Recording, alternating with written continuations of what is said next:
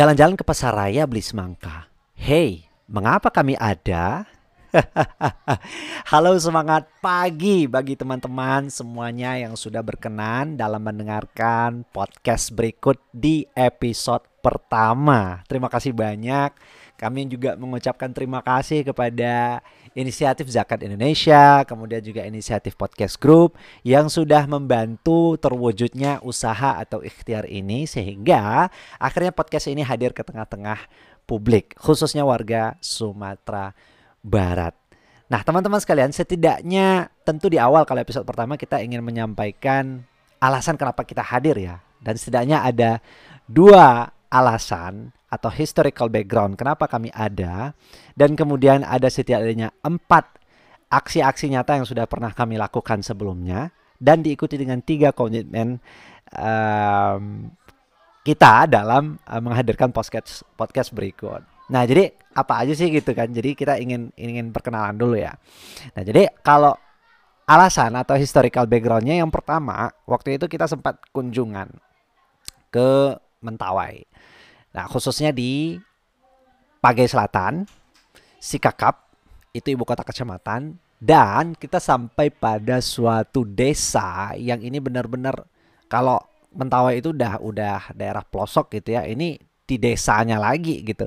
Namanya Tubekat. Itu kalau dari Padang kita ke Mentawai itu kan habis 13 jam. Itu kalau pakai kapal barang pakai kapal barang, kamu berangkat jam 5 sore, besoknya kamu nyampe jam 6 atau sekitar jam 7 tuh.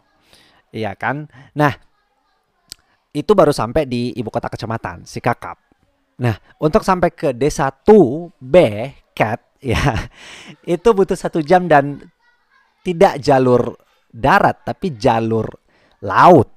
Oke, jadi bisa dibayangkan tantangannya kalau kita harus menjangkau daerah tersebut. Dan memang itu daerah eh, betul-betul lebih terpelosok daripada daerah Sikakap. Di sana tidak ada listrik dan uniknya orang tua orang tua di situ menyekolahkan anaknya ke ibu kota kecamatan.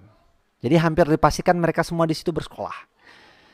Luar biasa. Jadi mereka hampir pulang balik tiap hari itu jalur laut dengan kapal boat. Enggak kapal boat juga sih, tapi lebih kepada sampan sampan boat ya mungkin sampan gitu ya ukurannya sampan dikasih mo uh, motor gitu ya biar bisa jalan gitu.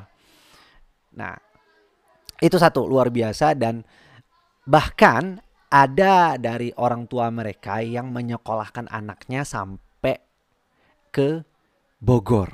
Itu untuk setara SMP. Jadi enggak di Mentawai, enggak di Sumatera Barat, apalagi di Pulau Sumatera. Tapi mereka menyekolahkan anaknya ke Jawa untuk setara SMP. Jadi luar biasa saya di sana menyadari wah kesadaran pendidikan untuk wilayah ini cukup baik gitu.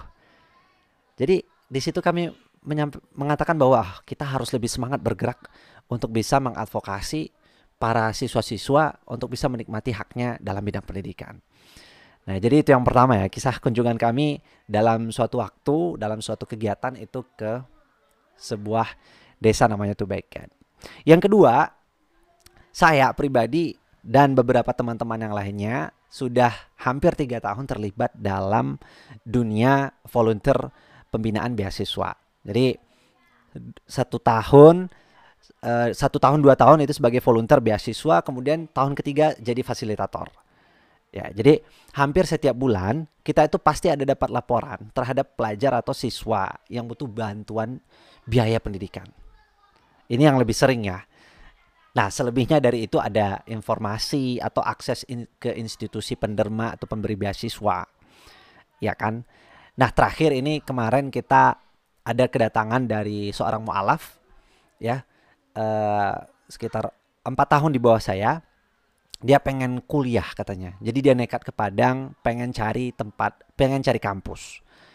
Ya kan? Dan tentunya yang menjadi tantangan adalah bisa nggak dia pakai beasiswa Nah akhirnya itu yang kemudian kita coba advokasi semampu mungkin dan alhamdulillah dia dapat kuliah dan kemudian dia juga dibantu dengan KIP atau kita bisa bisa dibilang oleh generasi saya dan sebelumnya bidik misi tapi ini reborn gitu ya kartu Indonesia Pintar. Sehingga dia hanya tinggal berkuliah dan kemudian juga beasiswa sudah insya Allah sudah pasti dia dapatkan. Sehingga kita sangat bahagia kita sangat senang ketika kita bisa kita sebagai orang yang punya latar belakang yang sama, kemudian Allah memberikan kemampuan dan kepantasan, lalu kita meneruskan kebermanfaatan itu kepada orang lain. Tentu ini menjadi sebuah kebahagiaan dari kita. Jadi setidaknya ada dua historical atau background kenapa um, kami terus melahirkan beberapa kegiatan-kegiatan yang berhubungan dengan dunia pendidikan.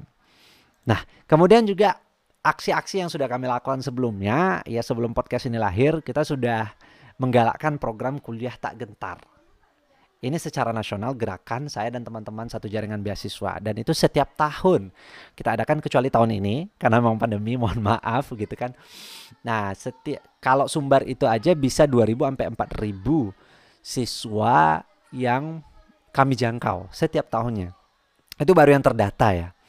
Nah, jadi kalau 33 provinsi bisa jadi ada puluhan ribu siswa yang kemudian kami edukasi, pentingnya pendidikan tinggi, sosialisasi, beasiswa dan advokasi kebutuhan-kebutuhan dia dalam memperjuangkan hak-haknya dalam dunia pendidikan. Nah, kita juga sebelumnya udah menggagas komunitas peduli pengembangan diri, ya uh, teman-teman yang insecure di daerah-daerah itu menjadi konsen utama kita dan kita sudah menjangkau ke berbagai pelosok daerah. Saya namakan itu lingkarjuara.id.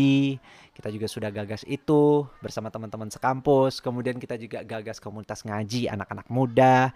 Ada pengajian dan ada juga konten kreatif di media online. Dan alhamdulillah antusiasmenya bagus. Followers kita sejauh ini sudah 5000 lebih. Nah, jadi dari apa yang background kami dan dari apa yang sudah kami lakukan, maka kami berkomitmen Edu Aksi sebagai salah satu kanal podcast lahir sebagai alternatif informasi. Kepada teman-teman siapa saja pendengar seputar pendidikan yang bisa diakses kapan saja. Nah, yang kedua, kami berharap kami bisa membantu teman-teman, kami bisa menjadi teman berbagi inspirasi bagi teman-teman yang barangkali hari ini sedang belajar, ataupun hari ini sedang beraktivitas mengajar, berjuang di daerah ya dengan gaji seadanya kami usahakan kami akan bersama Anda bersama teman-teman kapan saja. Nah, inilah penutup dari episode pertama ini. Oleh karena itu jika kita satu frekuensi dan mudah-mudahan kamu berkenan, mari kita saling mendukung dalam berjuang dan jangan lupa untuk support kanal podcast berikut ini. Ya, see you di episode kedua Edu Aksi inspirasi, informasi, dan kolaborasi.